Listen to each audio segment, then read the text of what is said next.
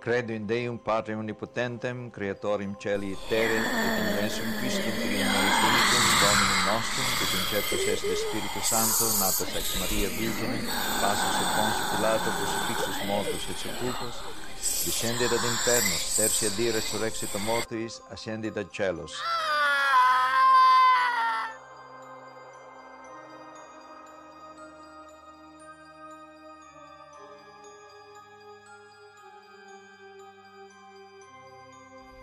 Já era o terceiro exorcismo em menos de 15 dias.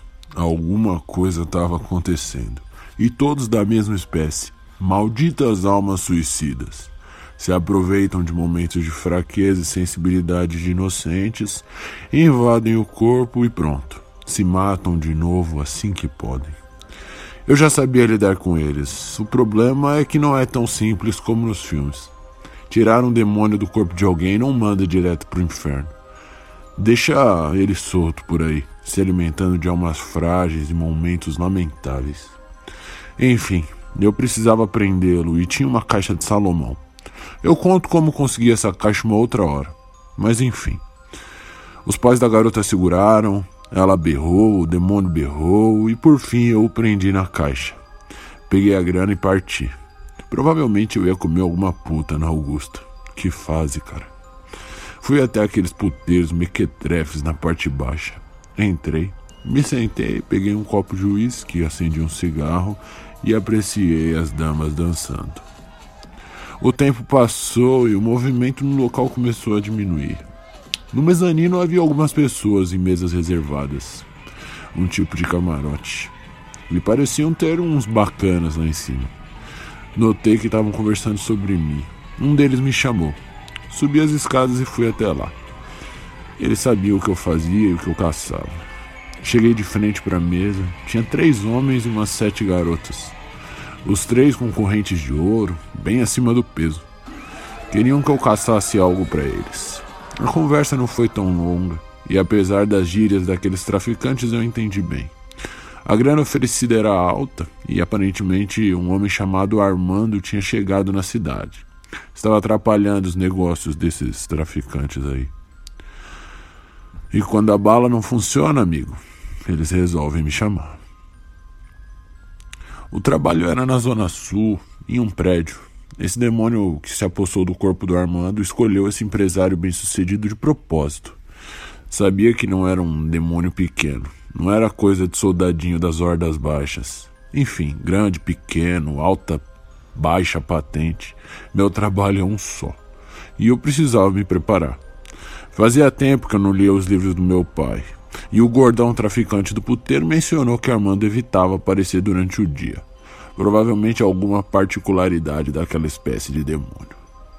O que me facilitou nas pesquisas. Ao chegar em casa, eu virei o resto da noite pesquisando. Encontrei algumas coisas relevantes. No entanto, fiquei um pouco assustado, confesso. O livro falava sobre alguns demônios que não saíam durante o dia quando possuíam o corpo de alguém. Eram chamados de capitães do abismo. O último relato vinha da Itália, de uma mulher possuída muitos e muitos anos atrás. Não tinham tantas informações. Mas as instruções eram bem claras. Pelo menos dez caçadores bem instruídos na arte do exorcismo eram necessários.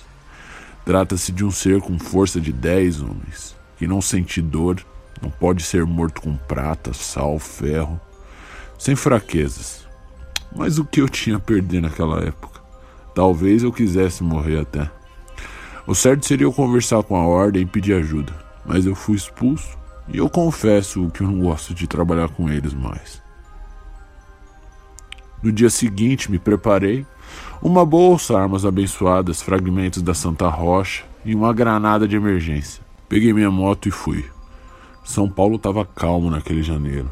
Por volta de 11 da noite, cheguei em frente ao prédio. Era o horário que ele saía. Eu o vi de longe. Um terno bacana, gravata, cabelo bem penteado, era magro, um pouco alto, nariz comprido, aqueles olhos apertados. Entrou em um Uber e seguiu, sei lá para onde. O segui por alguns quilômetros até o carro parar. Ele desceu, entrou em seu prédio. Dei a volta, joguei minha bolsa pulei o muro do prédio. Entrei e o vi passar pelo hall do prédio. Ele entrou no elevador e subiu. Fiquei olhando para saber qual andar ele ia parar. Foi o 13. Subi no elevador, parei de frente à porta do maldito, fechei a mão, respirei fundo e bati. Quando ele abriu a porta, eu não dei tempo nem de dar boa noite. Dei um belo cruzado no meio do queixo do babaca. Senti meu punho latejar e talvez algum dente quebrar. Ele cambaleou para trás e eu já comecei o ritual. Enquanto ele se recompunha, peguei minha cruz, água benta e estola roxa. Eu achei que tudo estava indo bem quando o maldito começou a dar risada. Ele se aproximou lentamente. Joguei água benta na cara dele. Ele lambeu sorrindo. Continuou andando e o ritual parecia não funcionar. Ele me pegou pelo pescoço, me ergueu, virou a cabeça feito um gato curioso. Eu me debati e chutei seu saco, mas de nada valeu. Ele enfiou uma das mãos em meu bolso, pegou a granada, segurou com uma das mãos e apertou forte. Parecia uma lata de sardinha. A granada não explodiu, virou um tipo de ferro amassado. Ele riu de novo e apertou bem forte meu pescoço. O ar já não passava mais, a visão foi ficando escura. Ele me arremessou para a varanda. Tinha um vidro que espatifou bem nas minhas costas. Eu caí e senti que meu braço e tornozelo haviam se quebrado. Eu sabia que aquele demônio não era fácil, até porque essa espécie demora anos para encontrar o receptáculo certo. Tinha que ser um corpo perfeito, que não oferecesse resistência alguma para ser controlado. Alguém praticamente vazio.